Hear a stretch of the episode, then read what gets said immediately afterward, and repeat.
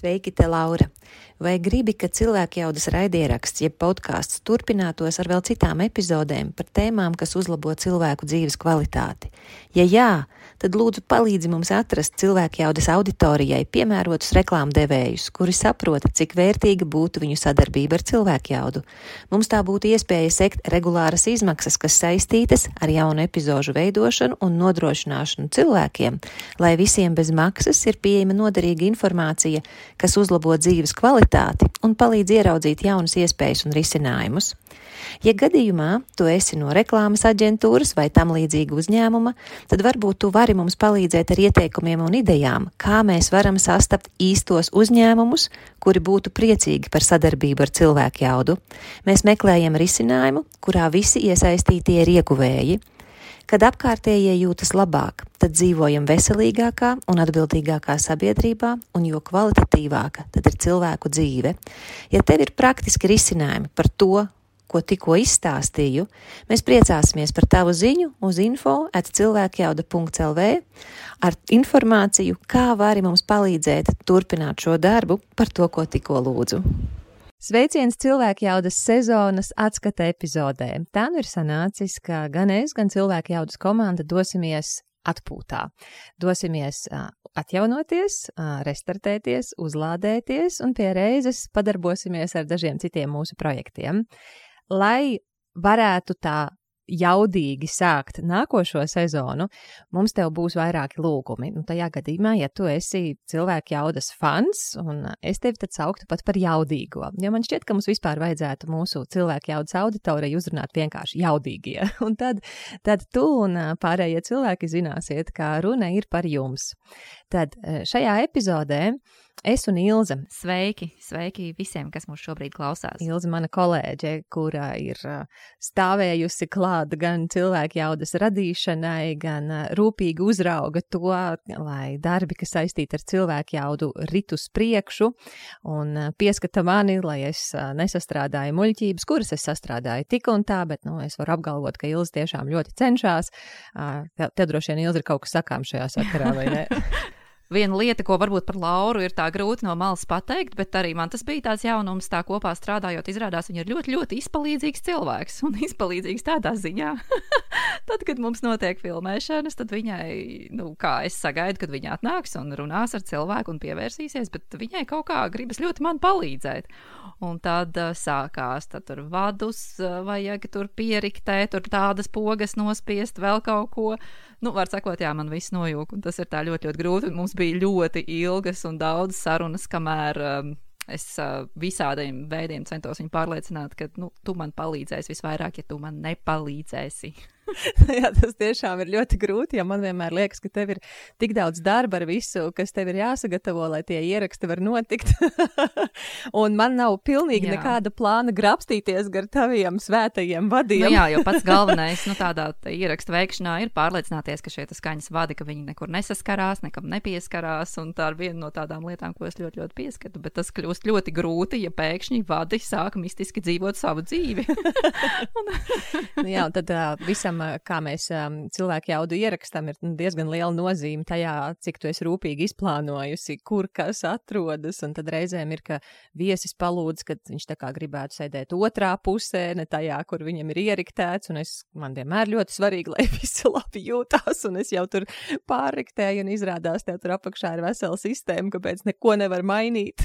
Jā, vairāk kārt ir bijis uh, filmēšanas laikā, man liekas, mums ar tevi tādi ļoti dziļi skatieni, kur mēs tā saskatāmies un bez vārdiem saprotam, kas tūlīt notiks. un es tev mēģinu iebilst, un tu man, nu, tu man atkal mēģini pateikt, cik tas ir svarīgi tomēr mainīt. Ar šajā. skatienu, ar, ar skatienu. tas viss notiek jā. ar skatienu, jo kā, blakus ir viesis. jā, milisekundēs mums tur tādas diskusijas reizēm ir notikušas. jo man tiešām ir ļoti, ļoti svarīgi sagatavo, sagatavoties un pārliecināties, ka viss notiek pēc plāna, un Laura savukārt ir ļoti, ļoti liels improvizators. Kuru vienmēr saskatu. Tas, protams, ir forši vienmēr saskatu visādas iespējas, bet reizēm jā, tas tā pamatīgi nojauc manus plānus. Jā, tā kā tu esi atbildīga par kvalitāti, tad es šajā gadījumā esmu tavs kalps un tu esi mans boss. Un tad man ļoti grūti iet ar to sadzīvot ar šo savu vēlmi, tā kā lai visiem viss ir labi, lai nu, tā kā raiti viss iet uz priekšu, bet tev katra izmaiņa tās, nu, tās ir beigās, beigais pārbaudījums. Jā, sanāk. nu tajā brīdī gan es nejūtos tā, ka tu esi mans kalps, man drīzāk brīžiem liekas, ka tu esi mans bērns. Kurš jāpieskata, lai nesastrādā siepes.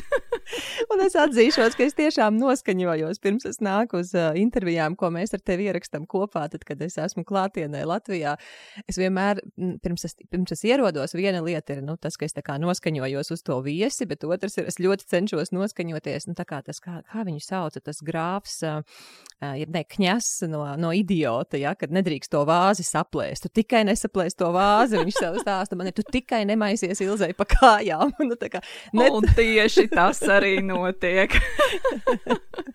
nu, jā, un, un man liekas, ka šī sezona mums bija ļoti, ļoti izaicinoša attiecībā uz klātienes ierakstiem. Tas, man liekas, tāds moments. Mēs, mēs bijām gan tas, ka vienu daļu mēs ierakstījām Latvijā laukos dažādās vietās. Tad mums bija, kur mēs ierakstījām Rīgas centrā. Tad bija tur, man liekas, viens no lielākajiem pārbaudījumiem, ko es te uzrīkoju, atkal cenšoties neko tādu neuzrīkot.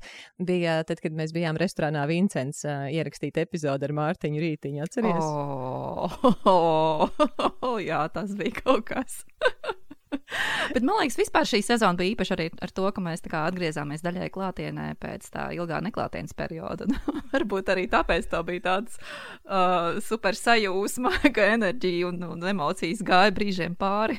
Tur, kur vajadzēja drusku nu, pie, pir pierimties. Pirmām kārtām jau es centos vienkārši savaldīties, jo um, intervēt Mārtiņu Rītiņu bija viena no manām tām nu, īpaši lielajām vēlmēm, kad jā, šo interviju es ļoti gaidīju, un tad es zināju, ka es nedrīkstu ierasties uh, nu, pirms laika, jo tad es noteikti tev kaut ko sajaukšu, un tad uh, es atrados viesnīcā Monika blakus, uh, blakus Vincentam un vienkārši tur sēdēju un dīdījos, un uh, mūsu kopīgā draudzene Daiga, kur tur strādājas, viņai teica, tu ļauj man te kārtīgi izdīdīties un, un, uh, un iztarkšķēties un uh, izlēkāties, lai es pie Ilzes un pie Mārtiņa rītiņa aizēju mierīgāk. nu, jā, tā gluži, gluži tas nebija. tad, kad tu atnāci, tu baigi mierīgā neizskatījies. Jā, es biju ļoti, es biju ļoti sanervozējusies, bet klausies, uh, man bija interesanti, kā tu man pēc tam sadēvi pa mizu par tām lietām, ko es uh, ne, nu, sastrādāju, un es neko no viņām neatceros. Varbūt tās tu vari ieskicēt. Jā. Jā. Jā, nu mēs, protams, izmantojām šo laiku, kamēr tu ļoti forši atradies pie Daigas Monikā. Mēs izmantojām visu, izplānojām, kā salikām, kurā, kurā vietā notiks filmēšana, kādā, nu, tur visus rakursus, kamerām, visus sakārtojām, vadus, protams. Uh, gaismas, un tad mēs bijām atvēlējuši tādu īpašu vietu Mārtiņam, kur apsēsties, um, tad, kad uh, viņš ieradīsies, lai viņu nogrimētu. Un tur bija tā smuki salikts, ka nekas viņam nemaisās pa kājām, viņš tur mierīgi apsēsties, uh, gaismas ir pieejamas, un nu, tajā, nu, tieši tajā, tajā krēslā, kur viņš sēž, nav nekas baigi jāpāriktē. Un, uh, jā, mums grimētā jau bija salikusi visus uh, instrumentus, kas viņai ir vajadzīgi. Un, uh, Un tagad pienāk tas brīdis, kad Mārtiņu ir jāgrimē. Laura vienkārši, vienkārši paņem un iesēdina viņu pilnīgi citā krēslā, kur nav gaismas, kur ir vadi pa kājām. Un es skatos, un, un viņš ir tā iesēdināts, ka tajā brīdī, kad viņš celsies kājās, nu, principā viņš, viņš apgāzīs lampas. Jo nu, tur, tur, tur nebija tik, tik tāda iespēja tos, nu, tur, tur tie vadi bija diezgan nostiepti. Man liekas, tā, kas tagad notiks.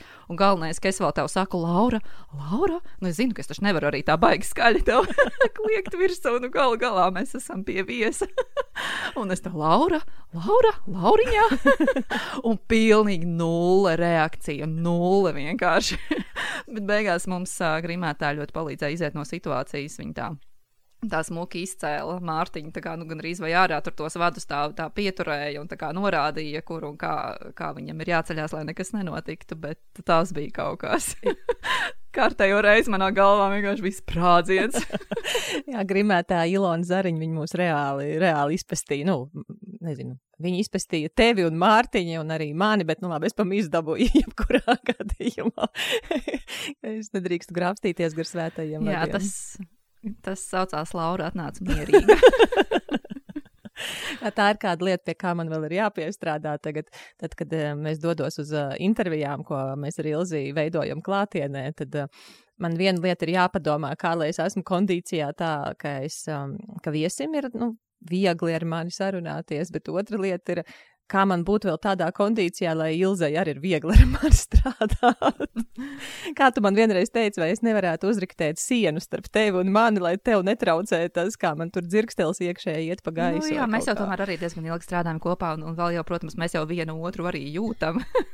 nu tā, ka kaut, kā, kaut kas nav, bet nu, nav, nav jau arī tādās situācijās laika visu nokomunicēt tā pilnīgi skaidri, un tad, tad tas vēl tā aiziet bišķiņu uz īso brīžiem, kad mēs tā kā jā, sajūtam ka otra ir uztraukusies, un tas tā ir grūti norobežoties no tā, protams. Bet, jā, man liekas, ka mums būtu jā. daudz dažādu piedzīvojumu stāstu, ko pastāstīt, bet mūsu mērķis bija, lai šī epizode ir īsa un lai mēs tiešām atskatāmies uz sezonu. Tā kā, mīļie, ja jūs teiksiet, jūs gribat vairāk backstage informācijas, aizkulīšu informācijas, padodiet mums ziņu, mēs varbūt centīsimies kaut kādus stāstus vairāk piefiksēt, bet nu, mums nav skaidrs, varbūt jums vienkārši patīk, lai ir intervijas un miers un nav ko te, nav ko te neko papildu vēl likt klāt, tāpēc arī šī epizode epizode savā ziņā ir tāds tā kā eksperiments. Viņa ir arī bez video, jo mēs ar Ilzi sapratām, lai mēs sataisītos vēl uz video ierakstīšanu. Nu, piedodiet mums, epizode īsa, būs bez video, būs uh, audio versijā. Un uh, šajā brīdī, tad, kad ir sezonas noslēgums, man personīgi tas ir arī atskaites punkts. Un es vienmēr paskatos, nu, vai manā dzīvē ir pārmaiņas. Jo, ja manā dzīvē nav pārmaiņas, tad visticamākais no cilvēka jaudas nebūs nekāda jēga arī nevienam citam. Jo nu, man ir tā zināms, ka, ja es esmu atbildīga par šo projektu, tad nu, es viņu varētu visvairāk pati savā labā izmantot, lai tās pārmaiņas būtu manā dzīvē. Un, ja nav man, tad ko es vispār varu cerēt, ka kādam citam ir pārmaiņas? Izmaiņas viņa dzīvē. Un, uh, cilvēku jaudas projektu mēs tā arī izveidojām, sākumā vienkārši kā eksperimentu, vai kādam tas uzlabos uh, dzīves kvalitāti. Un mūsu mērķis ir, lai šis projekts, uh, lai cilvēku jaudas epizodes ir um, pieejamas mūsu sabiedrībai par brīvu. Un, uh, kur sezona tā sanāk? Man trešā laikam, sanāk trešā, trešā sezona, jā. jā. Tas ir neskaitot mūsu tos uh, pirmos eksperimentus, kur mums uh, sarunas bija Facebook vidē, vai ne? Jā. Uh, mēs viņus arī esam ielikuši uh, YouTube. Kā, ja Jā, ir arī YouTube. Var, tad, katru cilvēku jaudas kanālā var atrast. Tur, man liekas, ir no iedvesmas uz rīcību tāda playliste, laikam. Ja? Jā, jā, tie, jā. Kas, tie, kas nav vēl tās epizodes redzējuši. Un šobrīd mums, mēs arī sa savā ziņā stāvam tādās kā krustcelēs, jo mums, lai varētu turpināt cilvēku jaudas projektu, lai varētu būt nākošā sezona, Mēs tāpēc būsim priecīgas, ja jaudīgie, jeb cilvēku jaudas klausītāji, skatītāji, cilvēku jaudas auditorija mums palīdzētu ar idejām, kas varētu būt cilvēku jaudas podkāsta sponsori. Man ir daudzkārt piedāvājuši variantu, klausies, Laura taisī slēgtu cilvēku jaudu, ka tie, kas maksā kaut kādu dalības summu katru mēnesi, nu tad, tad viņiem tās epizodes ir pieejamas un pārējiem ir pieejams kaut kas nedaudz vai nezinu, izlases veidā. Un es esmu ļoti tā, kad to apdomājusi, sapratusi, ka nu, man tas neder. Cilvēki jauda. Cilvēka jaudas būtība ir, jo mēs visi esam jaudīgāki, jo mēs katrs esam vēl jaudīgāki. Un, ja cilvēka jauda palīdzēs tikai dažiem, jo tikai dažiem tā būs pieejama, tad uh, nu, tas neizpilda to pašu cilvēku jaudas būtību. Runājot par šo sezonu, man liekas, ka šī sezona sākās uz tādas piedzīvojuma nots ar tādām personībām, ja tā varētu teikt, kurām ļoti svarīgi ir piedzīvojumi, un arī tev ļoti svarīgi ir piedzīvojumi.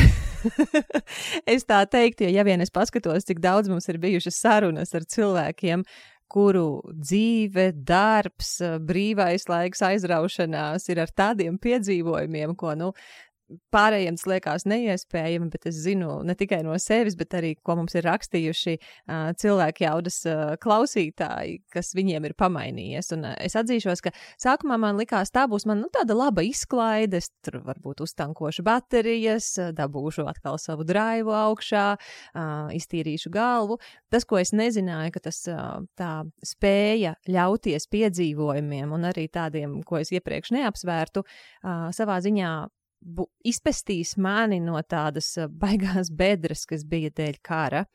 Jo tad, kad uh, es aprīlī tieši visu šo piedzīvojumu epizodu iespējā uh, devos ar ģimeni uz uh, Sicīliju, lai kāp, mācītos kāpt klintīs. Pirms tam es biju jau pakāpusi pa zāli, kas arī notika tikai un vienīgi šo piedzīvojumu epizodu iespējā. Tad um, man pirmām kārtām bija no sākuma grūti sevi pārvarēt, nu kādas klintis, nu kāda mācīšanās, karš notiek turpatās, cilvēki mirst, cilvēki cieš, ko tu te vispār vari domāt. Bet atceroties, kā katrs tas sarunu biedrs stāstīja, man liekas, tu īpaši labi varētu atcerēties to Ingusa teikto, Ingus mm. augstkalna par to, kā, kā viņš tad, kad ļaujās tam lecienam, ka tas tā kā attīra viņu prātu, es zinu, tu tev būs labāks citāts tur visticamākais. Nu, viņš vienkārši teica, jā, ka tas, tas liek kā visam liekajam notīrīties tajā brīdī, tad, kad tu dari to. Vienkārši kaut kas tāds liekais nokrīt. Jā, un tad atrodoties tajās klintīs un uh, mācoties kāpt pa viņām uh, Kristīnas un Kristapa liepiņu vadībā, uh, es konstatēju, ka man ir, nu, man ir viegli.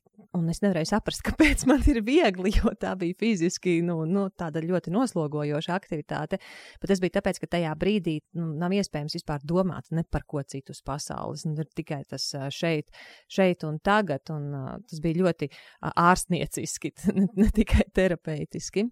Tad tāda epizode, kas mums gadījās, bija, ka uh, klinšu kāpšanas pēdējā dienā. Jā, tad mēs esam tajā Sicīlijas mazajā ciemā, un mums ir jādodas atpakaļ uz uh, Šveici. Tad mums ir jābrauc ar auto trīs stundas līdz prāmim, tad mums ir visa nakts jābūt uz prāmja, un tad mums ir uh, vairāk kā tūkstoši kilometri vēl jānobrauc uh, no Neapoles līdz uh, atpakaļ līdz gandrīz vai Cīrihei.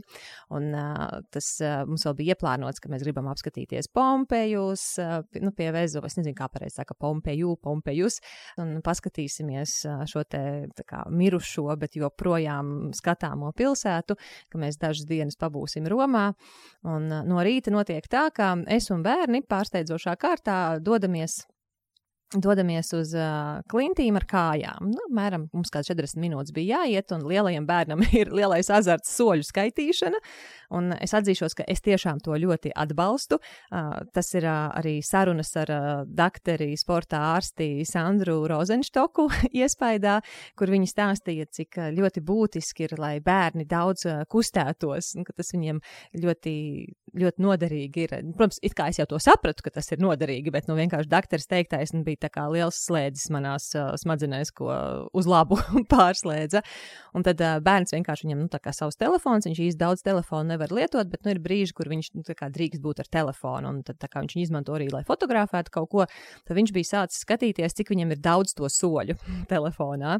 Un uh, tā uh, aplikācija ir pietiekami gudra, kas vēl rāda viņiem tur tā kā visus šos te bedžus dod, nu, tādas tā kā nozīmītas, tur tavs mm. lielākais soļu skaits, vai tu visvairāk esi no nostaigājis septiņas dienas nu, pēc kārtas un tam līdzīgi.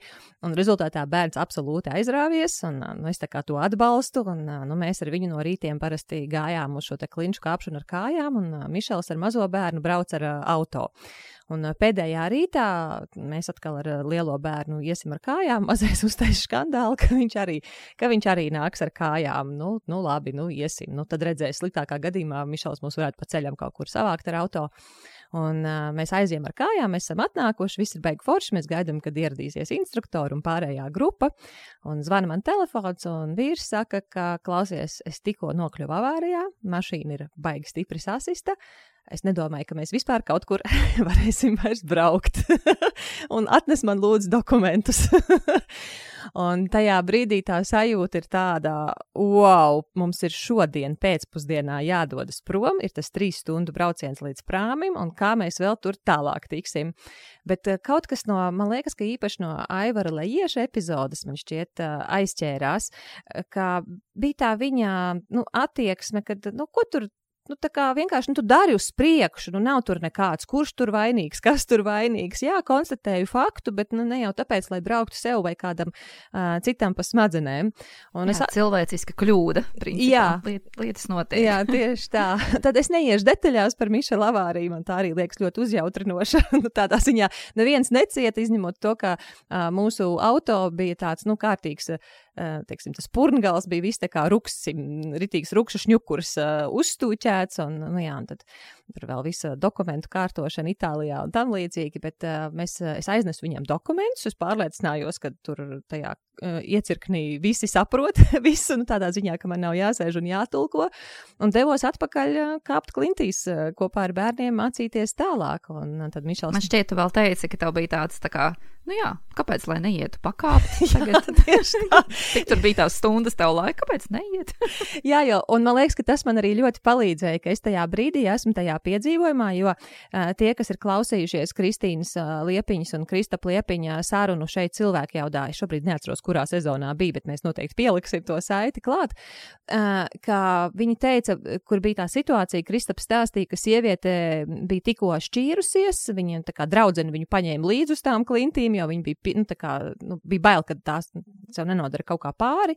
Un tad kaut kādā, kurā tur dienā tā draudzene nevis vienkārši raudāja, bet teica, varbūt es arī varu tur bišķiņu pakāpt. Un tad ar to kāpšanu viņi saprata, ka viņi vairs nav nu, tikai noskaņojusies uz to, ka Dievs ir tā šķiršanās, viss ir tik briesmīgi, nu, tur dzīve ir briesmīga, bet ka viņi sāka atgūties. Nu, lūk, tad, tikko es esmu uh, apmēram stundas ietvaros uh, konstatējusi, jā, ir baigi slikti ar to mašīnu, bet es esmu ļoti pateicīga, ka uh, vīram viss labi. Nu, jā, viņš ir ļoti lielā šokā, jo nu, sitiens tiešām bija liels. Tā mašīna, ar kuru viņš saskrējās, bija darba mašīna, kas bija kaut kur devusies strādāt, līdz ar to nu, smagi piekrauta. Un tāpēc tā mūsu, tas mūsu auto rupša deguns bija tāds ritīgi, nu, tā ka kapots ir vaļā. Un uh, es atkal devos atpakaļ uz klintīm, jo nu, es gribēju mācīties maksimumu. Pēdējā dienā es vēl varu visu kaut ko iemācīties. Un arī tajā brīdī galva pārslēdzās citādāk. Nu, tā nav nekāda traģēdija. Tā ir vienkārši risināma, risināma lieta. Jā, es tieši gribēju teikt par to pārslēgšanos, ka tajā brīdī noteikti tā maģiskā tā pārslēgšanās, un es to ļoti ilgi neapzinājos. Patiesībā, nu, es ik pa laikam kaut ko traku tur esmu izdarījusi, tur izlakus ar izpletni, vai tur kādā tur via feratā trakā uzrāpusies, ka domāju, ka Dievs, kā es dzīvu palikšu, vai vēl kaut kas. Un uh, es īsti nevarēju saprast, kāpēc to man vajag. Un pēdējā, vienā no pēdējiem saviem piedzīvojumiem, kad es lidoju ar to, ah, oh, es neatceros, kā viņi sauc. Delta bet, nu, plāns, ne? Delta plāns, nu, nu kaut kāds perdaļets. un, uh, jā, es rādīju tēvam vecākiem bildes, un tēvs, nu jā, tev jau vajag ik pa laikam, nu tā parāda ar pirkstu pie deniņiem, un es domāju, nu jā, tā laikam ir. Bet tad uh, Ingus tajā intervijā tā forši pateica, ka uh, tas vienkārši liek kaut kā tam visam liekiem notīrīties, nokritīties. Tas kā, es, nu, es pateicoties tam sapratu, jā, nu, tas ir tāds kaut kāds restarts, kas tev vienkārši pārslēdz. Jā, un tas piedzīvojums, viņš ir kā, viņš ieved atpakaļ resursu pilnā stāvoklī. Nu, es nezinu, vai mēs, kā mēs tiksim atpakaļ uz mājām, cik daudz vairāk mums tas maksās, ja, tās prāmju biļetes aiziet pa pieskari un, un viss tas plānotais brauciens ir aiziet pa pieskari un tagad tur četrus cilvēkus ir jānogādā uz lidostu, ir jāpērk lidmašīnas biļetes un tam līdzīgi. Bet tajā brīdī tas ir, es par to padomāšu vēlāk. Tagad es pakāpšu, nu, un tad, tad, mēs, tad mēs to risināsim. Vajadzēs, sameklēsim, kā mēs te vēl ilgāk varam palikt un kā mēs to, kā mēs to visu saorganizēsim. Un tā kāpjot, vienkārši tā galva esot šajā piedzīvojumā, viņa savā veidā apskaidrojas un ienāk kaut kāds tāds miers. Un it kā tā aktivitāte tomēr ir, kur tu visu laiku esi ļoti uzmanīgs un kā m, absolūti klātesošs, jo citādi neka, nu, labi tas nebeigsies. Un tajā pašā laikā arī šajos šajos piedzīvojumos tā lieta ir pārvari savas robežas. Mums bija tāds ļoti liels uh, atklājums, kad stāvam mēs uz tās klinšu sienas un taustāmies, nu kur tad tur tālāk kāpt, ja gan vai nu Mišels vai es, kurš no mums tajā brīdī kāp, un ir sajūta, te vienkārši nav izējas, nu te nav, nu viss, nu šis, šī ir tā vieta, kur es nevarēšu tālāk pakāpt, man ir jālaižās lejā, un iespējams es riskēju vēl tur ar kaut kādu kritienu, un tad uh, vienkārši tu kā Kristaps un Kristīna mācīja, tu pastāvi un pačam pačamdies, nu tā kā pačamdies, paskaties, paprovē, tev vajag atrast tikai tādu mazu, mazu knibulīti, aiz kā aizķerties. Vai arī, kā viņi teica, vienkārši atspēries ar kājām pret to klinti, un tev liekas, ka tur nav izcīņa, uz kā varētu vispār pakāpties. Bet tad ir tāds, nu, burtiski, nu, māziņš kunkulītis kaut kāds, ja, kur man šķista, tas nu, es, es tā nav iespējams pakāpties, bet ir. Un tā piedzīvojuma metāfora, man liekas, ka mūsu ķermenis jau visu uztver tā ļoti, uh, nu, kopēji, tā holistiski, ka tad šķiet, nu, tas, ko ķer, pie kā ķermenis strādā, man liekas, ka psihi to arī kaut kādā veidā, nezinu, izmanto, asimilē, kaut kas vērtīgs no tā tiek. Jā, jo nu, mēs konstatējām pēc tam, nu labi, paskatīsimies, vai ar to mašīnu var braukt. Likās, nu, nezinām, vai var braukt līdz mājām, bet nu, līdz prāmim mēģināsim aizbraukt līdz prāmim. Nu, nesanāks, nu, domāsim uz vietas, ko darīt. Nu, līdz prāmim mēs tikām, uz prāmim mēs tikām, pāri mēs pārbraucām. Tad nākošais bija tieši tāpat kā stāvi uz tās klints, vai ne? Un tev liekas, nu, nav variantu, bet mm. meklē. Nu, un arī bija tā, ka mums teica, nu, ka jā, nu, tas mēs neapdraudam vienu citu, un mēs tā kā sevi arī neapdraudam. Jautājums ir, vai tā mašīna vienkārši nenobeigsies kaut kur pa ceļam. Un tā mēs aizbraucām vēl uz Pompejiem, visu dienu izstaigājām tur, tad no turienes domājām, nu labi, tagad gan laikam ir jādomā, kur mēs tur saucam kaut kādu palīdzību, braucam mājās. Bet mēs tieši tāpatās arī domājam, nē, nu labi, tur tā Roma divu stundu attālumā. Nu, aizbraucām vēl līdz Romai, uh, nolikām pie Airbnb dzīvokļa to mašīnu uz ielas, pilnīgi zinot, neviens viņu neaiztiks. Viņai ir sasisti lukturi, sabraucīts tas uh, purns tā, tā riktīgi. Tad mēs vēl iztaigājām Romā savas mīļās vietas un vēl jaunas paskatījāmies. Nu, tad pēdējā dienā, agri no rīta, nu, tad tā čunčinājām uz mājām un īstenībā braucām pavisam normāli, jo tiešām ar to auto bija labāk nekā tajā brīdī izskatījās. Atbraucām līdz mājām, tad nākošā dienā vīrs veda mašīnu uz, uh, uz servisu, lai nu, vienotos par remontu. Tur viņam saka, ka mašīna ir tā sasista, ka viņu nav jēga remontēt, jo remonts maksās vairāk nekā šīs mašīnas uh, pārdošana. Nu, rezultātā jā, tas, kas bija jārisina, ir, uh, ka, ar ko tad mēs citreiz brauksim kaut kur. Un tas viss pagāja meklējot vienkārši jaunu automašīnu, bet tā piedzīvojuma attieksme tā, ka nu, nevajag cepties tur, kur nevajag cepties, pat ja liekas, ka te nu gan ir vieta uh, cepienam. Par to es esmu pateicīga, un tāpēc arī mūsu auditorijai es ļoti, ļoti varu ieteikt, ja kāds nav dzirdējis kādu no šīm piedzīvojuma epizodēm, no sirds rekomendēju gan Ivaru Beitāna 79. epizodi, gan uh, Mārtiņa Aleksandroviča 81. par nu, tādu tā arī savu ziņā meistarību, uh, gan ar Aivaru Lejiet 84. epizodi, un nu, man liekas, ka uh, epizode ar Ingusu augstkalnu 95. ir vienkārši, ka nu, vajag. Jā, tas ko, tas, ko es vēl gribēju piebilst pie šīm piedzīvojumu sarunām, kas man personīgi ļoti iezīmējās. Uh, bieži vien kaut kā tie piedzīvojumi asociējas ar tādu trakumu, neprātu, Jā. bet, kad paklausās šajās sarunās, tā redzi, bet tur ir tik ļoti racionālais prāts pieslēgts, un arī tajā, ko tu stāstīji, tā lēmuma pieņemšana, viņa, viņa notiek tā patiesībā ļoti tā izsvērti mm -hmm. un mhm. ļoti, ļoti racionāli. Tur, tur nav tāds trakums, kā, kā varētu šķist. Jā, jo parasti liekas, tie piedzīvojumi e, mīļi, tie jau ir tie, nu, tur trakgalvi, tie jau ir tie, nu, nepieskaitāmie un nenormālie, bet patiesībā, e, ja viņi līdz šim brīdim ir dzīvi, un, e, un, un ja viņiem aiz muguras jau ir gana daudz piedzīvojumu, tad patiesībā tie ir cilvēki, no kuriem ļoti ļoti, ļoti daudz ko var mācīties. Un uh, man bija arī iespēja ar uh, Ingu doties uh, vienā piedzīvojumā Latvijā, pa, peldēt pa Salacas upi, uh, ļoti, ļoti, ļoti garu gabalu mūsu prāt. Un tad uh, es vienkārši redzēju, cik viņš ir ārkārtīgi piesardzīgs. Uh, piemēram, es arī paņēmu bērnu lielo līdzi, ka viņš var peldēt, un tam bērnam sāka salt, un man bija, nē, nu tur vēl bišķiņi, bišķiņi papeldēsim, un Ingus, nē. Es domāju, ka uh, ir jāskatās pirmā vieta, kur mēs varam kāpt krastā, viņam vajag sasilt saulē. Tā kā jā, patiesībā tas, ko iemācījos ar šiem te piedzīvojumu mīļiem un pārnesot to uz savu pieredzi, arī, ka tas ir ļoti rūpīgi izsvērt riskus, bet tas vērtīgākais ir, kad piedzīvojumos cilvēks ierauga uz ko vairāk viņš ir spējīgs. Nu, tas tiešām paver to apvārsni pavisam uh, citādāk. Es arī atceros, kā Kristaps Liepiņš uh, šajās te mācībās teica, ka Tu atceries, klinšu kāpšana ir bīstama. nu, alpīnisms ir bīstams, klinšu kāpšana ir bīstama. Vajag ļoti rūpīgiem būt, vajag ļoti izsvērt, nelien tur, kur, tur, kur tu nezini, vai tev nu, tur sanāks un tā, bet nu, tā kā līdz pēdējiem centies, līdz pēdējiem centies tikai dari, dari uzmanīgi. Un tā ir pieredze, kuru es negribētu būt nepieredzējusi nekādā gadījumā. Es esmu ļoti pateicīga par piedzīvojumiem. Jā, nu tie, tie nav brīži, kad tu tā viegli prātīgi pieņemsi lēmumus. Tiešām viņi pieņem, viņus pieņems tā ļoti, ļoti nopietni. Tad ja gribās patiesībā trenēt racionālo prātu piedzīvojumu, ir viena no iespējām to darīt. Jā, un tas liekas paradoxāli. Liekas, ka, nu, kā, tas, kā tas vispār ir iespējams? Un mans, mans, mans racionālais prāts, mana teiksim, tāda ikdienas dzīve, no tā ir tikai ieguvusi, ieguvuši ar to, ka um, mazāk ticēt tām domām, kas liekas patiesība, bet īstenībā ir ierobežojošas. Jo Jā, ceļš tā. un izeja ir. Viņa kaut kur ir vienkārši nepsiho, netrako, atpūties, ja vajag, un tausties tālāk uz priekšu. Jā, tā ir tāda baigā meistarība kas uh, attīstās. Jā, un man liekas, tu esi jau forši pārgājis uz otro būtisko tēmu uh, šajā sezonā, kas ir par meistarības izkopšanu. Un tā, nu, tā būtiskā saruna mums bija ar Mārtiņu Rītiņu, tā ko mēs jau pirmīt pieminējām, jo nu, manā uztverē viņš ir uh, liels meistars. Bet es pamanīju, ka šajā sezonā pēc tās sarunas ar Mārtiņu man saslēdzās vairākas uh, agrāko sezonu epizodes arī kopā. Uh, tieši par to, ka, ja tu gribi sasniegt izcilus rezultātus, nu, tev tam procesam ir vienkārši jānododas un arī jāgatavojas.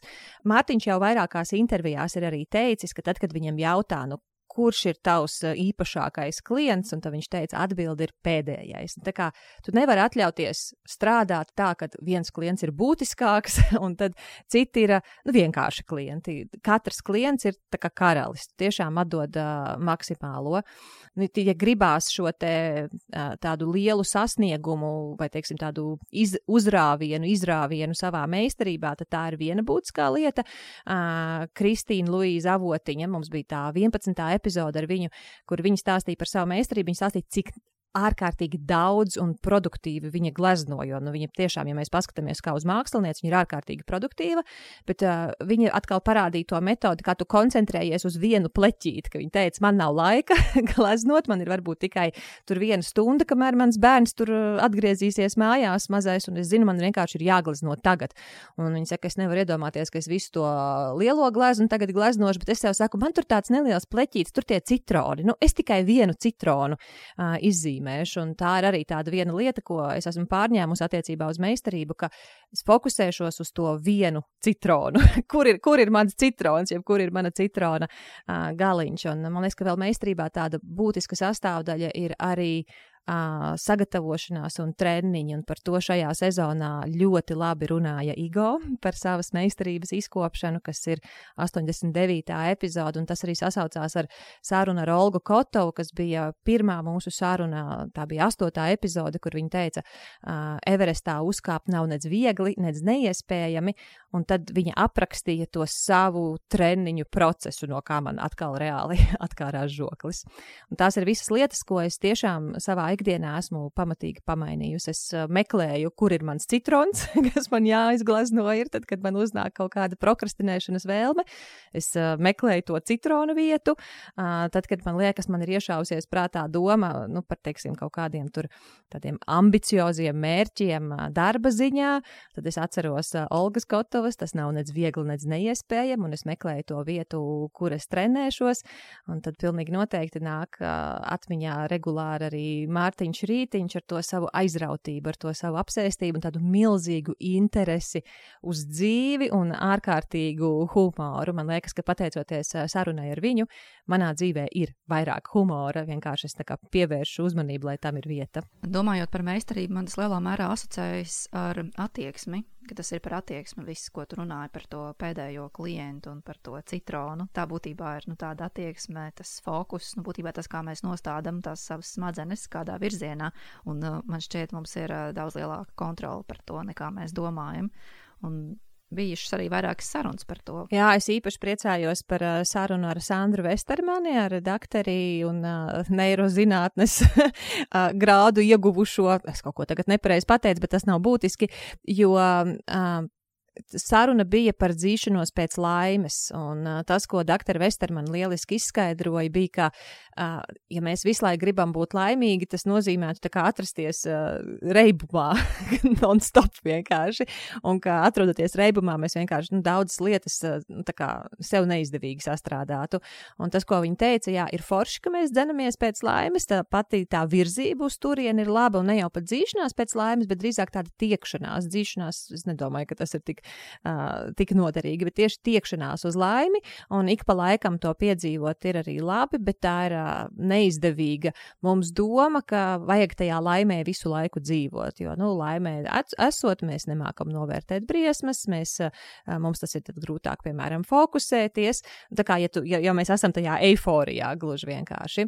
Tā kā tas skaidrojums par laimi, viņš bija arī saistīts diezgan stipri arī ar depresiju, un es zinu, ka bija cilvēki, kas teica, es nesaprotu, jums ir epizode par laimi, bet jūs, bet jūs tur runājat par depresiju, un es atkal tieši ļoti priecājos, ka mēs runājām par depresiju, jo uh, neilgi pēc tās sarunas publicēšanas uh, pagāja vēl neliels laiks, un, uh, un sākās šis te uh, karš uh, Ukrainā, kur uh, nu, tieši tas Sandrs stāstītājs, doktors stāstītājs bija nu, ļoti noderīgs. Un tad otrs cilvēks, kura skaidrojums tam, kā strādā mūsu smadzenes šādā te trakā krīzē, bija uh, psihoterapeits uh, doktors Jānis Vītiņš, uh, kur viņš skaidroja 103. epizodē par to, kā saprast savas uh, reakcijas uz karu Ukrainā. Un man liekas, tie nu, viņa skaidrojumi man viņi ir noderējuši nu, vairākās situācijās šajā, uh, šajā gadā. Mums stāv priekšā arī pārcelšanās uz uz citu vietu, un mums bija tāds, mums bija tāds brīdis, kur mēs nezinājām, mūs tā kā liek ārā no mājām, tāpēc, ka uh, to māju, kur mēs dzīvojam ar daudziem dzīvokļiem, jauc nost, mums ir līdz noteiktam laikam jāizvācās. Savukārt vietu, uz kurien mēs varam pārcelties, būtu mums pieejama tikai pēc diviem gadiem. Un tad uh, bērniem ir skolas jābaina, jo šajā apkārtnē mēs nevaram dabūt tādu māju vietu, kas uh, būtu mums piemērota. Un tad mēs dzīvojām tādā ļoti, ļoti lielā neziņā. Un tad uh, doktora Vītiņa skaidrojums, kas bija it kā par karu Ukrainā un ļoti piemērots, man patiešām kā, bija nu, atvieglotāka sajūta vai, teiksim, lielāka skaidrība šajā sevis saprašanā kara sakarā, bet es tieši to pašu tādu uh, neziņas menedžēšanas, uh, tādu izpratni pārnesu arī uz to, kad jā, mašīna sasista, kā, kā būs, kur mēs dzīvosim īsti. īsti nezinām, kāds mums būs risinājums. Tas termiņš, kad ir jāizvācās, nāk virsū vienkārši septiņu jūdžu zābaku ātrumā. Un, tā kā paralēli, nu, ok, kas man ir jāsaprot, kāpēc man ir tāds apjukums, kāpēc man tāda tur panika nāk virsū, ko, ko es gribu citādāk. Un tā kā zinot šos procesus, kas notiks, tam bija gluži vienkārši vieglāk iziet cauri. Tāpēc arī tā ir tāda epizode, ko man šķiet uh, ir ļoti vērtīgi noskatīties, noklausīties arī tagad, kad nu vairs nav kara sākums, bet tas skaidrojums ļoti palīdz. Ah, jā, un tur starp citu viena būtiska lieta, ko viņš pateica, bija, ka šajos brīžos bieži vien cilvēki meklē jēgu, nu kāda tad ir dzīves jēga, nu kā tāds karš uh, vispār var notikt, un tad viņš pastāstīja arī uh, par vienu darbu, kas ir par jēgas meklējumiem, kur viņš teica, ka uh, tas ir ļoti neproduktīvi šādās situācijās situācijās meklēt jēgu, ka tad, tādā veidā šī jēgas meklēšana, kāda, vis, kāda vispār ir jēga, nu, priekš kā mēs vispār esam tur uz šīs pasaules, kā vispār kaut kas tāds var notikt, ka šie jēgas meklējumi mūs ieved dziļāk purvā, mums patiesībā paliek sliktāk. Un uh, tad, bet, kad, kā tad nelikties nezinis gar to jēgu, tad viņš teica, jēga ir tas, kam tu piešķir jēgu, jēga ir tas, ko tu nolem, kam tavā dzīvē būs jēga, un arī tas uh, gan uh, Ukrainas kara kontekstā man palīdzēja kā, izlemt, kā es rīkošos, lai es varu palīdzēt uh, cilvēkiem, un vienlaicīgi, ko es darīšu, lai pati nu, nesaietu nevajadzīgā viestā. Un tas arī palīdzēja tieši tāpat šajā te, mm, neskaidrība periodā mūsu ģimenē ļoti. Jā, man šķiet, šādās stresa situācijās arī vēl, vēl viena no lietām, kas ir ļoti būtiska, nepalikt tikai savā galvā, bet darīt kaut ko arī ar ķermeni, fiziski sevi nodarbināt, izlādēt šo stresu. Un man šķiet, mums bijušas arī vairākas sarunas tieši par fizisko ķermeni. Ah, jā, starp citu, tu man nesen teici, ka pēdējo mēnešu laikā tev ir bijusi iespēja izmēģināt dažādas prakses, un ka tu vienkārši tā diezgan intensīvi pastaigāji uz dažādām ķermeņa praksēm. Varbūt tu esi ar mieru padalīties, kāda bija tā tava, nezinu, uztvere, kā, kā dažādas prakses iedarbojās. Nu, tā atziņa par mieru, varbūt kaut kādā ziņā, jo, jo, jo liekas, nu, mieres tā ir nu, meditācija, tur varbūt kaut, kā tur, kaut kāda tur runāšanās, psihoterapija un tam līdzīgi. Bet uh, reizēm vislielāko mieru iedod tieši darbība. Un, uh, jā, es uh, arvien vairāk kā, pievēršos, lai manā ikdienā būtu kustības, un tas ļoti palīdz tieši mieru galvā atrast. Un kādas tu tās metodas tur izmēģināji? Nu, es izmēģināju dažādas kustību nodarbības, gan vienkārši ārstniecisko vingrošanu, jogu, strečingu, gan, nu, kas ir tāda stiepšanās vairāk, bet, nu, jogai līdzīgi gan arī kustību un deju terapiju, piemēram. Un, jā, tā bija tāda ļoti interesanta pieredze. Tu vari bišķiņ par to kustību un deju terapiju pastāstīt. Nu, kā, kāpēc tev viņa derēja vai nederēja? Man visvairāk laikam derēja tas, ka katrai nodarbībai sākoties, pasniedzēja atgādināja, ka nav pareizi, nepareizi. Un tas izslēdz to, ka mēs tagad kaut kā pareizi dejosim vai pareizi kustēsimies. Un, un arī dzen, katra nodarbība sākās ar tādu tā kā mierīgu iekustēšanos. Un tas nenozīmē, ka mums tagad uzreiz tur jāsāk ar tādiem augstiem, tur lēkāt, dejot, ķēmoties vai vēl kaut ko. Bet nu, nodarbība var sākties arī vienkārši pakustinot, piemēram, pirkstus vai roku locītājus vai, vai nu, vēl kaut kādas ļoti, ļoti vienkāršas darbības. Un to es arī pārnesu uz tādu mentālo, nu, kad, eh, kad, kad šī noskaņošanās, iesildīšanās, ir īstenībā ārkārtīgi svarīga un cik bieži es esmu no sevis prasījusi tādu zibenīgu pārslēgšanos, pieslēgšanos. Uh, nu, jā, tas tā deva tādu foršu izpratni par ķermeni un parasti arī pēc tam tā. Tas miers atnāca caur šo darbību, nevis vienkārši sēžot un gaidot vai domājot kaut kādas tur noteiktas domas, bet tieši caur, caur šo kustību, caur darbību. Baigi forši par to iekustēšanos, ka tas attiecās ne tikai uz ķermeni, ka ir jāiekustās, bet tas attiecās arī uz prātu. Man starp citu tas atsauc atmiņā Sanda Inzelberga, mūsu trakā jogas čempiona, sporta jogas čempiona stāstīto. Mums ar viņu jau bija pat otrā saruna šajā sezonā, tā ir 97. saruna, un tas, ko viņš stāstīja par prasmi pārvaldīt savu ķermeni un māku no sava ķermeņa dabūt laukā enerģiju, tad, kad man tas ir vajadzīgs, nevis tad, kad, tad, kad ķermenis pats tā kā, nu, davai es tev tagad iedošu enerģiju, ja, bet gan es prasu, kad man ir vajadzīga enerģija un kāda veida enerģija man ir vajadzīga. Un tad viena no lietām, ko Sandis treniņos regulāri mums atgādina, ja, ja nodarbība ar Sandu ir divas stundas, tad iesildīšanās, es nepārspīlēju, ir pusstundu. Pus, un, un sākam mēs tiešām tā ļoti mierīgi un tā kā, nu, visu izdarām. Un es parasti Sandim saku, zini, man šodien maz laika ir, es nevaru divas stundas, vai mēs, man būs pusotra stunda. Mēs varam kaut kā baigi saīsināt to iesildīšanos. Nu, tā kā darām, bet nu mazāk. Un viņa atbilde vienmēr ir nē, ne, nekādā gadījumā. Trakanēsi, tāpēc, ka iesildīšanās tev dod par 30% vairāk lokanības, un iesildīšanās tev dod par 30% vairāk spēka. Vismaz, vismaz par tik vairāk. Un tad kāpēc, lai tu sev to liektu? Un, protams, pat nerunājot par to, kā tas novērš arī traumu risku. Un tas, ko tu tagad uh, pastāstīji par to, ka uh, tu pārnes uz dzīvi, kur tu kā, skaties arī mentāli, tu iešūpojies. Es tā domāju, jau tas man tagad būs no tevis jāpārņem un, un jāizprovē. Jo, ja nu tiešām, ja, jo te kā mūsu psihe un mūsu ķermenis ir viena nu, kā, saistīta sistēma, tad tas varētu noderēt. Man, starp citu, arī šodien treniņā viņš man lika kaut kādu ļoti briesmīgu uzdevumu pildīt uh, 20 reizes un ar sešiem atkārtojumiem. viena, viena, variācija, viena variācija par otru pretīgāka ir, un tā vis, vispretīgākā, visgrūtākā, kur es tur vairākas pauzes ņēmu, lai vienkārši atjēgtos un spētu atkal to kāju un roku kaut kur pacelt, tad Sānis tikai nosaka, ka Laura, tu tikai nokoncentrējies. Tas uh, paver tavas radošās spējas, tas tev iedod jaunas dimensijas radošumu. Jo, man liekas, Viņš zina pareizos vārdus, kas ir jāizmanto ar tevi.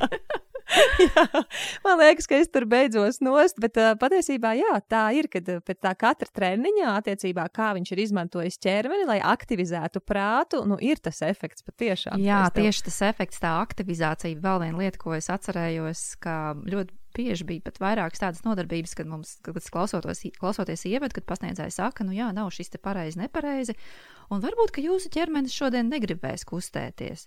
Nu, nespiediet, jūs varat vienkārši pasēdēt. Un man tāds, oh, jā, šodien es pasēdēšu, šodien es noteikti, man, man viss besīs, es pasēdēšu. Un kaut kā caur tieši to iesildīšanos, caur iekustēšanos beigās es tur darīju tādas lietas, par ko es pat biju pārsteigta, ko es vispār nebiju gaidījis, ka es iešu vispār tik tālu. Un tas ir tieši dēļ šīs iesildīšanās.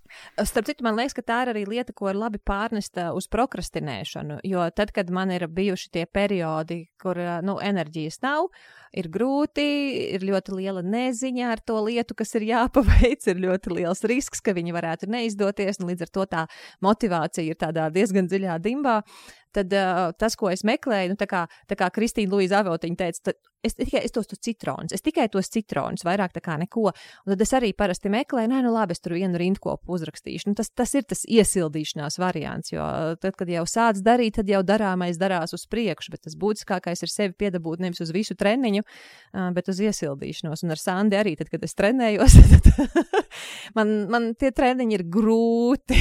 viņi, ir, viņi ir ilgi un viņi ir grūti, bet es parasti sev saku, nē, nu iesildīšanās būs ok. Nu, tad jau, kad iesildāmies, un tad jau pēc tam aiziet arī vispārējais.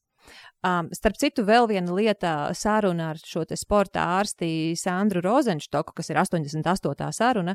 Uh, es pēc tās sarunas arī devos uh, kā, pārbaudīt, uztaisīt šo savu ķermeņa testus visus, kas attiecās uz, uz, uz, uz manu, nezinu, sirdsdarbību, elpošanu, muskuļiem un tā.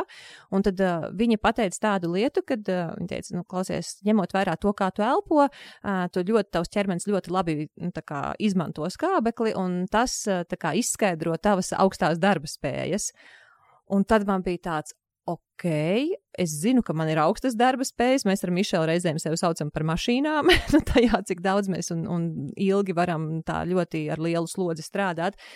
Un tad man bija tā, bet paga, paga tas nozīmē, ka mans ķermenis patērē skābekli. Nu, ļoti labi, bet nu, mans darbs lielākoties ir arī nu, tieši mentāls. Jā, es varu arī fiziski daudz darīt, bet es arī mentāli esmu diezgan izturīga.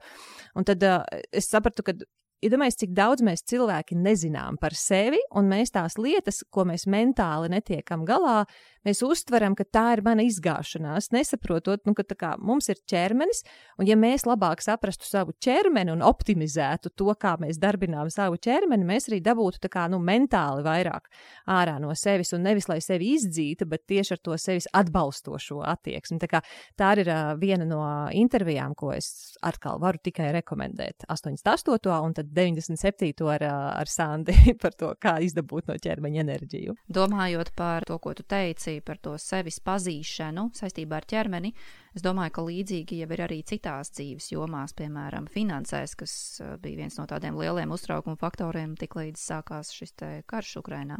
Jā, man liekas, ka par finansēm mēs cilvēki uztraucamies tipiski tad, kad sākās kāda krīze, un to mēs uh, lielā mērā piedzīvojām uh, pirms diviem gadiem saistībā ar Covid, un tagad arī ar, ar, ar Ukrainas kāru ļoti līdzīgi, jo nu, tas ietekmē daudzas dzīves jomas, un es esmu ļoti pateicīga par to, ko mums Kārlis Danēvičs šajās te abās sarunās, vienā, kur viņš skaidroja mehānismus par to, kā mēs varam stiprināt savu finansiālo drošību, tad, kad inflācija kāpj uz augšu, tā bija 105. epizode, vienā tajā viņš izskaidroja, un pēc tam 109. epizodē viņš atbildēja uz cilvēku jautājumiem, un visa pamatā viņš nevis vienkārši teica, tev būs darīt šitā, vai tev būs darīt tā, bet viņš arī paskaidroja, kāpēc, un viņš arī nepārtraukti atgādināja, mīļo cilvēku, tā kā, nu, viņš neteica šādiem vārdiem, bet ideja, cilvēku lūdzu, zini, kas tev ir aktuāli. Tu zini, cik riska tu spēj tolerēt, cik tu nespēji tolerēt. Tu zini, kas ir tavas nu, kā, dzīves kaut kādas prioritātes.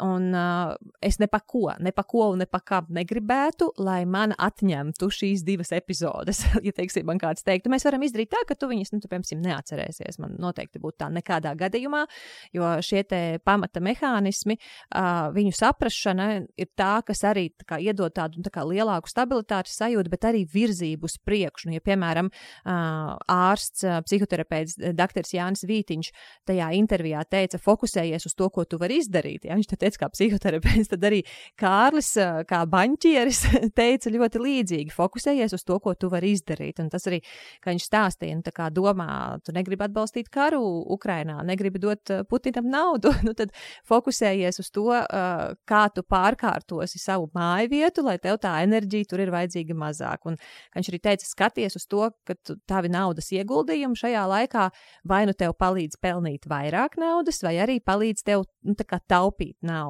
un uh, arī, ka ceļ tavu vērtību. Un, uh, viņiem bija tas ļoti labs atgādinājums, ka šis ir labs laiks, lai, uh, lai investētu sevi, un es pamanīju, ka kad vien man nāca virsū kaut kādi tādi nu, drūmie periodi, kad, Dievs, cik tas karš vēl ilgi būs, kā tas tur mūs ietekmēs, kā tas mūs bremzē, vai darba sakarā, vai arī kaut kādās tur, nezinu, citas dzīves jomas sakarā, es vienmēr atgriezos pie tā, ok, es, ko es tagad mācīšos, ko es mācīšos, kā es padarīšu to savu cilvēku resursu, to manu būtiskāko resursu vērtīgāku, kā es varu arī atbalstīt savu vīru tieši tajā pašā, kā viņš skatās, kā savu cilvēku resursu padarīt vērtīgāku, un arī skatījos, ok, kas ir jāapgūst maniem bērniem, ņemot vērā uz to, uz kādu dzīvi mēs viņus gatavojam, pat nezinot, kāda tā dzīve būs, bet kas dos viņiem vērtību, lai vai kas apkārt notiktu.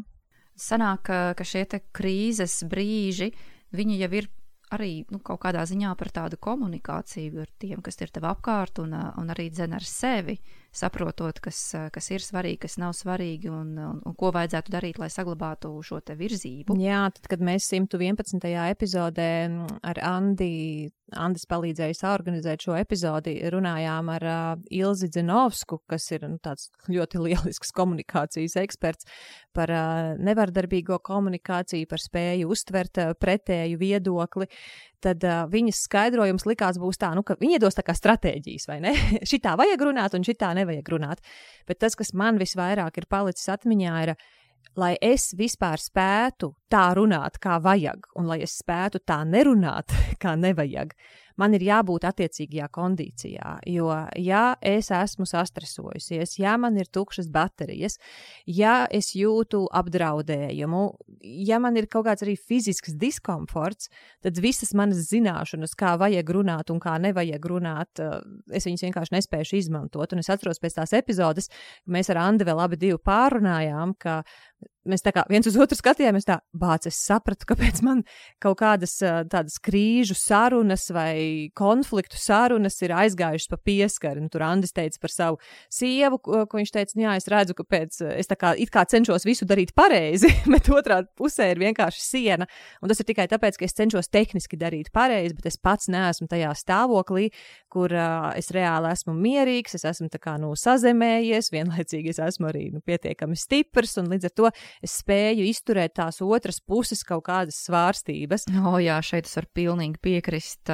Mēs ar manu partneri vispār nespējam normāli sarunāties, kaut ko risināt, domāt uz priekšu. Ja kādam no mums kaut kas nav, to tiešām ļoti labi var just. Un uh, es viņam teicu precīzi to pašu. Jā, es arī esmu centusies kā, runāt pareizi un kā, kā ņemt tās otras puses viedokli vērā, bet patiesībā nu, es joprojām tajās sarunās eju iekšā kā, kā agresors. Un tas, ko Ilze mums uh, iemācīja šajā 111. epizodē, uh, tas ir uh, mainījis manu komunikāciju ar bērniem, un tas ir mainījis arī manu komunikāciju ar vīru uz labo pusi. Pirmām kārtām ar to, ka es vismaz neeju uz šīm sarunām sarunām, brīdī, kad es neesmu to sarunu spējīga. Tādā ziņā parunāt es varu. Es varu visu kaut ko riebīgu pateikt, un varbūt es varu arī kaut ko labu pateikt, bet lielākoties uzvar riebīgais. Tad es ņemu vairāk pauzes tieši ar to, ka pateikt, ka uh, es redzu tevi, es dzirdu tevi, tev tā situācija ir svarīga, mēs par to, mēs par to runāsim. Bet uh, vispirms man ir tā kā kā, jāparūpējas par sevi, lai es vispār esmu tādā sarunu uh, spējīgā kondīcijā. Viens brīdis, kurā man un tev bija līdzīga reakcija, bija pēc trešās sarunas ar Kasparu Simonoviču, kas bija par ko nozīmē uzaugt disfunkcionālā ģimenē, ko tas nozīmē cilvēkam, kurš jau ir pieaudzis. Un uh, par disfunkcionālām ģimenēm runājot, Kaspars teica, ka tas nav tikai uzaugt atkarībnieku ģimenē. Tā var būt arī ģimene, kur varbūt tās cilvēki neskaidrojās, nerisina konfliktus, vai viens otram uzgriež muguru, vai kur tur ir, piemēram, darba holiķi. Un, ja sākumā mums ar tevi bija tāda reakcija, nē, nu mēs jau neesam izauguši disfunkcionālā ģimenē, mums ir nu, kā uh, vecāki, kas tur ir pietiekami saprātīgi, tur ir par mums rūpējušies, vēlējuši mums vislabāko. Bet tad uh, atceries to frāzi, kas mums bija. Es atceros, ka tā saruna beidzās un uh, Kaspars gāja ārā. Es vienkārši tā stāvēju, tā kā ar ūdeni apliet, un es teicu, man ir iznestas smadzenes. jo tas sajūta tieši tāda arī bija. Un es atceros, ka vēl es, tas, ko es teicu, viņam bija, ka tas ir tik savādi, ka mēs esam it kā nepazīstami cilvēki savā starpā, bet tas viss, ko viņš teica, tad sajūta, ka tas ir tieši, nu, tieši sirdī, tieši tā kā par mani. Un man liekas, tas, ko viņš atbildēja, bija, jā, nu, ja tu pazīsti sevi, tad tu pazīsti arī otru un kas, kas, manuprāt, arī ļoti saistās ar, ar komunikāciju vispār un ar sevis tādu pazīšanu un tā kā ap, apziņu, no kurienes tad es nāku. Un, Un jā, šī definīcija, kas ir disfunkcionāla ģimene, nu, tā, tas priekšstats par to ļoti paplašinājās pēc šīs sarunas, un kaut kā daudz kas liekas, ka kļuva skaidrāks par sevi. Un tas tev labs novērojums, jā, pareizi viņš tiešām teica, jo mēs viņam prasījām, kā tu vari runāt, nu tā, ka tas tā kā trāpa sirdī atkal un atkal, un runa nav par to, ka trāpa sirdī, lai ievainotu, vairāk tā kā trāpa sirdī, lai dziedinātu. Zini, tā, kad ir filmās reizēm ir, kur tur cilvēks tur. Uh! Un tā kā, nu, tā kā mirst nost, vai es nezinu, kas viņam tur ir, un tad tur kāds paņem tur to šprici, un tad atvēsējās un triec sirdī, es nezinu, kādu tur to vielu iekšā, tad tas tā kā nāk, nu, nāk pie samaņas, un tā, jā, tā sajūta reizēm ar kas par runājot ir tieši tāda, un ka viņš teica, nu, jā, tas tāpēc, ka es sevi pazīstu, tāpēc es arī tevi pazīstu. Jā. Jā, tas, ka viņš runā tā ļoti tā tieši, mm -hmm. un tad ir tāda sajūta, ka tas ir par mani. Un, man liekas, drusku līdzīgi arī ar Arthuru Miksonu sarunām ir tad, kad viņš runā, Jā. kad, kad tad tas ir tik ļoti skaidri un saprotami izteikts, ka tas liekas, jā, tas, tas ir par mani. Jā, nu, nu doktoram Miksonam vēl tā, tas uh, raksturīgais ir viņa humors. Es zinu, ka mūsu auditorijā uh, cilvēki cer, ka katrā sezonā būs vairākas sarunas vēlams ar doktoru Miksonu, un šajā sezonā mums vēl bija, uh, un tā ir arī saruna par veiksmīgāku komunikāciju, pēc kuras mēs arī saņemam daudz, daudz pateicību, bet lielākoties jā par to, ka nu, tā saruna arī notiek tā humorīgi svarīga, līdz ar to viņa ir vieglāk uztverama. Bet tas, kas attiecās uz uh, Kaspara Simonoviča trīs sarunām, es viņus uzskatu par tādu arī uh, cilvēku jaudas, nu kā man reizēm cilvēki raksta, tas ir zelta fonds. man arī šķiet, ka šīs trīs sarunas noteikti iet, uh, iet zelta fondā, un tas, kas man ir visvairāk palicis uh, no viņām sev, kur viņš regulāri atgādināja, ja tu neko nemaini, nu acīm redzot, tev vēl pārāk labi iet, nu vēl nav pienācis tā kā atsitiena punkts, un ja tavā dzīvē kāds neko nemaina, lai gan it kā saka, ka gribētu un, un tā kā jā, mainītu, bet reāli nemaina. Nu, acīm redzot, tam cilvēkam arī vēl nav tas acitiena punkts, un uh, kas var palīdzēja ieraudzīt, ka nav ko raustīties no tā acitiena punkta. Kā reiz nevajag traucēt, lai tas acitiena punkts pienāk, jo tad, kad ir acitiena punkts, tad, mēs arī, tad mēs arī rīkojamies, lai mums ir veselīgākas attiecības ne tikai ar citiem, bet arī veselīgākas attiecības ar sevi un ar, ar savām atkarībām un līdzatkarībām un tādiem jocīgiem izgājieniem virzieniem, no kuriem mēs vēlamies tikt vaļā. Jā, tas tā kā atbrīvo no tādas dzīvošanas ilūzijās, varbūt, nu, ka kaut kas mainīsies. Man liekas, tas bija tajā līdzatkarības sarunā, kur viņš eh, runāja par to. Jā, un atceries, atceries tā, ka mēs to sarunu ar tevi uh, noklausījāmies, tad tas, ko mēs arī konstatējām, bija, ka tās līdzatkarības, tas nav tas te nav runa tikai par alkoholiķiem vai narkomāniem. Nu, kad, eh, tas nozīmē, piemēram, dzīvot arī uh, līdzatkarībā, teiksim, ar cilvēku, piemēram, kuram tur ir kaut kādi, uh, nezinu, pornogrāfijas atkarība, atkarība no ēdiena, nu, vai tādas kaut kādi disfunkcijas šajā sakarā, vai, piemēram, atkarība no saldumiem vai, vai šopingošanas. Un man tas lielais bija darbaholisms. nu, tā kā ieraudzīt, ka uh, patiesībā tā ir nopietna atkarība, un, un cilvēkam, kuram ir jādzīvo kopā ar kādu, kuram ir šī šī atkarība, arī tas, kas notiek ar, ar bērniem ģimenē, ir nu, baigi traki. Un viņš ļoti paplašināja to, ka mēs ieraudzījām, ka mums atkarību ir stipri, stipri vairāk nekā mēs par tām domājām, bet nevis, lai mēs tagad sāktu par viņām kautrēties, bet lai tieši lai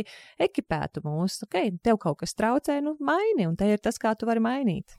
Jā, bet uh, man, tas, kas man likās, ka tas ir ne tikai tādās lielās situācijās, bet bieži vien ir tādās ikdienišķās, kad liekas, nu kā mums tur ir normālas attiecības, nu vai, piemēram, man ar partneri, nu, normālas Jā. attiecības un viss, bet cik bieži tomēr dēļ šīs līdzatkarības notiek, nu, kaut kāda izkalpošanās vai izpatikšana vai, vai tam līdzīgi. Piemēr, piemērošanās un sevis pazaudēšana, tāpēc, kad otram nākas dzīvot ar to savu atkarību, kas ir, tā kā man viena agrākā pasniedzēja teica, tas ir tā kā dzīvot ar uh, spalvainu gorilu, čalu, kurš tev sēž uz kakla, un tu dzīvo it kā ar cilvēku, kuru tu mīli, un, un viss ir forši ar viņu.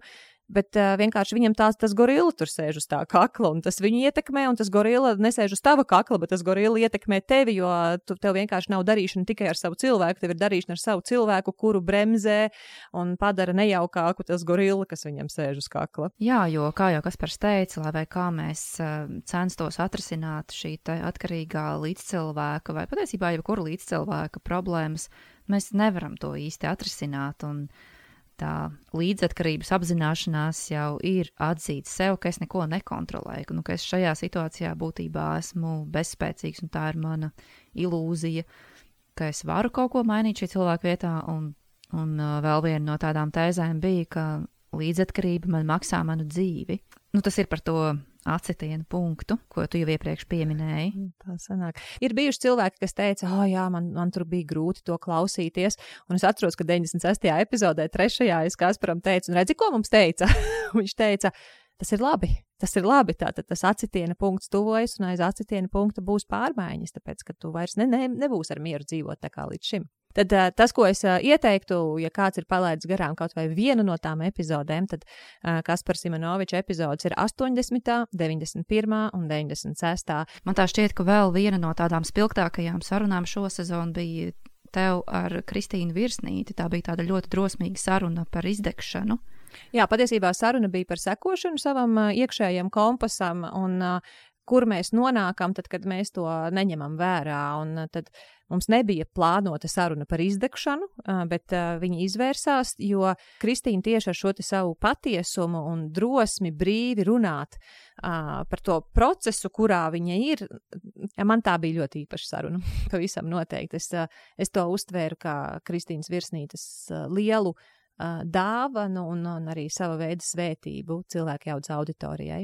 Tā saruna pēc, pēc numuriem, ja es skatos, 94. Ah, un tad jau mums bija vēl viens īpašs notikums šo sezonu. Mums bija pirmā saruna angļu valodā, kur tu nu pat nesen, pat tā bija iepriekšējā saruna, kur tu intervēji savu vīru Mišelu Denleru. Jā, ja tu zinātu, cik ilgi es turējos tai sarunai pretī, un mums gāja grūti, mēs to sarunu pārrakstījām, un tā mums visa diena pagāja šīs sarunas, sarunas veidošanā, un tad, kad es par to uzrakstīju tajā iknedēļas ēpastā, ko mēs sūtam cilvēku jaudas auditorijai, kas pieteikušies uz jaunumiem, tad daudz pēc tam rakstīja, bāc, un man likās tā saruna tāda viegla un tik vienkārša. Ja... Es tieši gribēju to pašu teikt, tikko viņa likās tik viegla. Jā, tur, tur, tad, kad Agnese montēja to sarunu, tad viņa teica, Nu, sākumā jums tie ģīmi tur abiem diviem izskatījās nu, tā, ka vienkārši jau acis jau pārgrieztas, vairs nevar izturēt. Nu, ne, jau, ne, ne jau tā uz vienam uz otru, bet vienkārši kā var tā būt, kad vēl mums nesanāk to, to sarunu ierakstīt. Tas bija ļoti, ļoti liels uh, izaicinājums. Es arī tajā e-pasta vēstulē cilvēkiem arī rakstīju. Man tas bija pārbaudījums laulības stiprumam. Labi, ka viss ir kārtībā, laulība izturēja. Es domāju, mēs tikai arī ieguvām no tās sarunas. Bet uh, tas interesantākais man pašai bija interesanti ar vīru sarunāties. Man ļoti patika tas, ko viņš stāstīja. Man likās ļoti vērtīgi. Man bija tā, es ar viņu dzīvoju visus šos gadus, kopš viņš strādā holokrātijā. Nu, kāpēc es neizmantoju vēl vairāk no tām metodēm? Beidzot, bija iespēja ar viņu aprunāties. Tavā aizņemtajā dzīvē. par holokrātiju. Jā. Diezgan cilvēki arī rakstīja par to, ka klausies, mēs gribam vēl. Lūdzu, uztaisiet vēl kādu sārunu. Es nezinu, ko teiks mūsu komanda, kad es pajautāšu, vai viņiem arī šķiet, ka tas derētu atkārtot, un, ja gadījumā atbilde būs jā, tad iespējams, ka mēs ar Mišelu sarīkosim vēl vairākas sarunas par tādām tēmām, kur, kur mums šķiet, ka mēs kaut ko jēdzam un ka mēs varam dot savu vērtīgu pienesumu cilvēku dzīves kvalitātei. Bet tad visticamākais tās vairs nebūs šeit cilvēku jaudā, bet uh, tas varētu būt kaut kāds nu, neliels jauns tur, projekts par to, ko tad mēs abi esam iemācījušies, ko mēs izmantojam, kas var noderēt citādāk. Jo, uh, kas var noderēt citiem, eh, jo tā nebūs intervija. Tā būs tiešām tā, kā mēs parasti sarunājamies, tad, kad mēs runājam par lietām, kas mūs pašus interesē. Tad, kad mēs publicējām cilvēku jaudas simto epizodi, kuru mēs gatavojām kopā ar auditoriju un lūdzām atsauksmes un lūdzām stāstus no cilvēkiem, un mūs tiešām sasūtīja audio un video un arī rakstiski, tad man bija tā sajūta, nu jā, tāpēc ir vērts šo projektu veidot, jo kā, tas nav tikai es te kaut ko uztaisīju. Tas ir tā kā mēs to radām kopā ar lieliskiem cilvēkiem, kuri ir izvēlējušies rīkoties. Kārtām rīkoties par to, lai viņiem pašiem dzīve ir laba, un tas kopumā uzlabo arī kā, nu, mūsu sabiedrības dzīvi.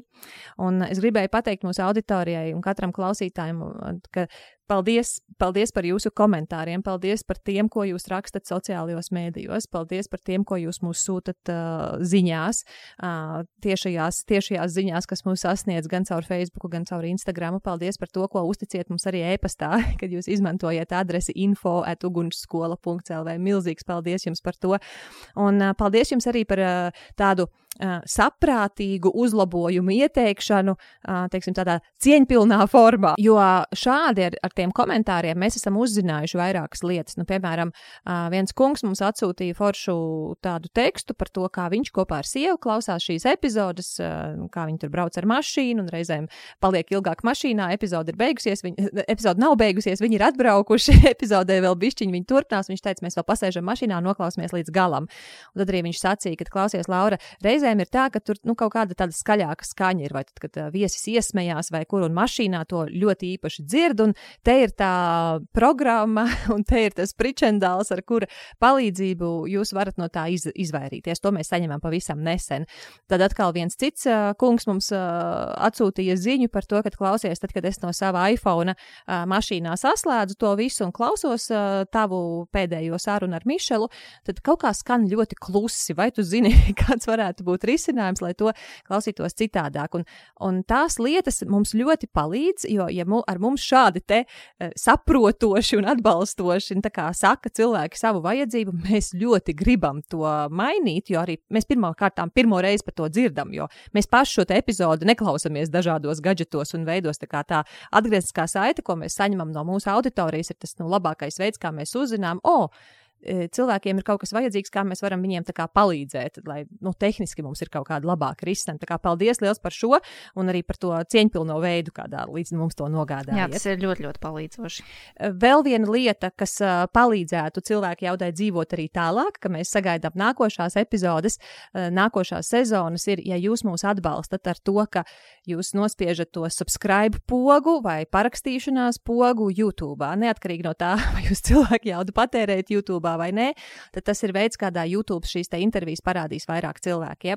Tas pats arī, ja jūs to parakstīšanos izmantojat, vai jūs klausāties caur iPhone podkāstu aplikāciju vai arī caur, caur Spotify, tas arī palīdz. Jebkurš komentārs, jebkura dalīšanās sociālajos mēdījos arī palīdz šim darbam nonākt līdz vairāk cilvēkiem.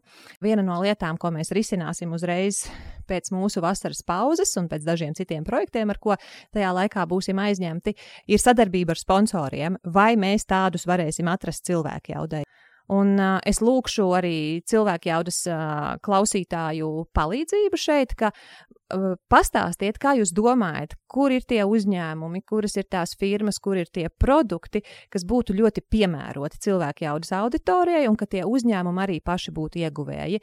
Ja mēs neatradīsim sadarbības partneri, kur mums abos virzienos ir vērtīga sadarbība, un mēs abi jūtamies kā ieguvēji, gan partneris, gan mēs, es ļoti šaubos, ka mēs uh, varēsim cilvēku jaudas um, projektu turpināt, tāpēc ka uh, mūsu vēlme ar to, ko, mēs, kas, ko mums ir svarīgi nodrošināt cilvēku jaudas auditorijai, nu, tā ir arī zināmas izmaksas, kas mums ir uh, jāspēj sekt. Un ļoti būtiska lieta, tu arī mums vari palīdzēt sarunās ar šiem cilvēkiem, ja tu atsūti savu stāstu kā tev cilvēka jauda ir noderējusi, kā cilvēka jaudā dzirdētais vai redzētais ir kaut ko kvalitatīvi mainījis tavā dzīvē, kvalitatīvi uzlabojis tavā dzīvē.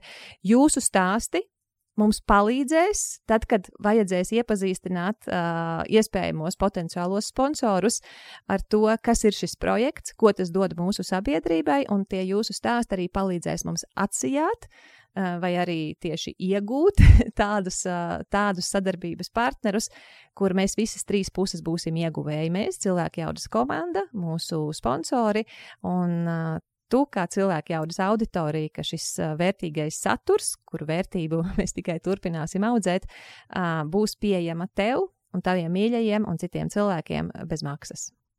Un komunicē ar mums, sūtot savu e-pastu uz info atugunsskola.lv. Pa vidu ir divi S, ja? info atugunsskola.lv. Mēs ar cilvēku jaudu dodamies pauzē, atpūsties, atjaunoties, uztankoties, padarīt vēl arī citas lietas, no kurām cilvēku jaudu varētu tikai iegūt.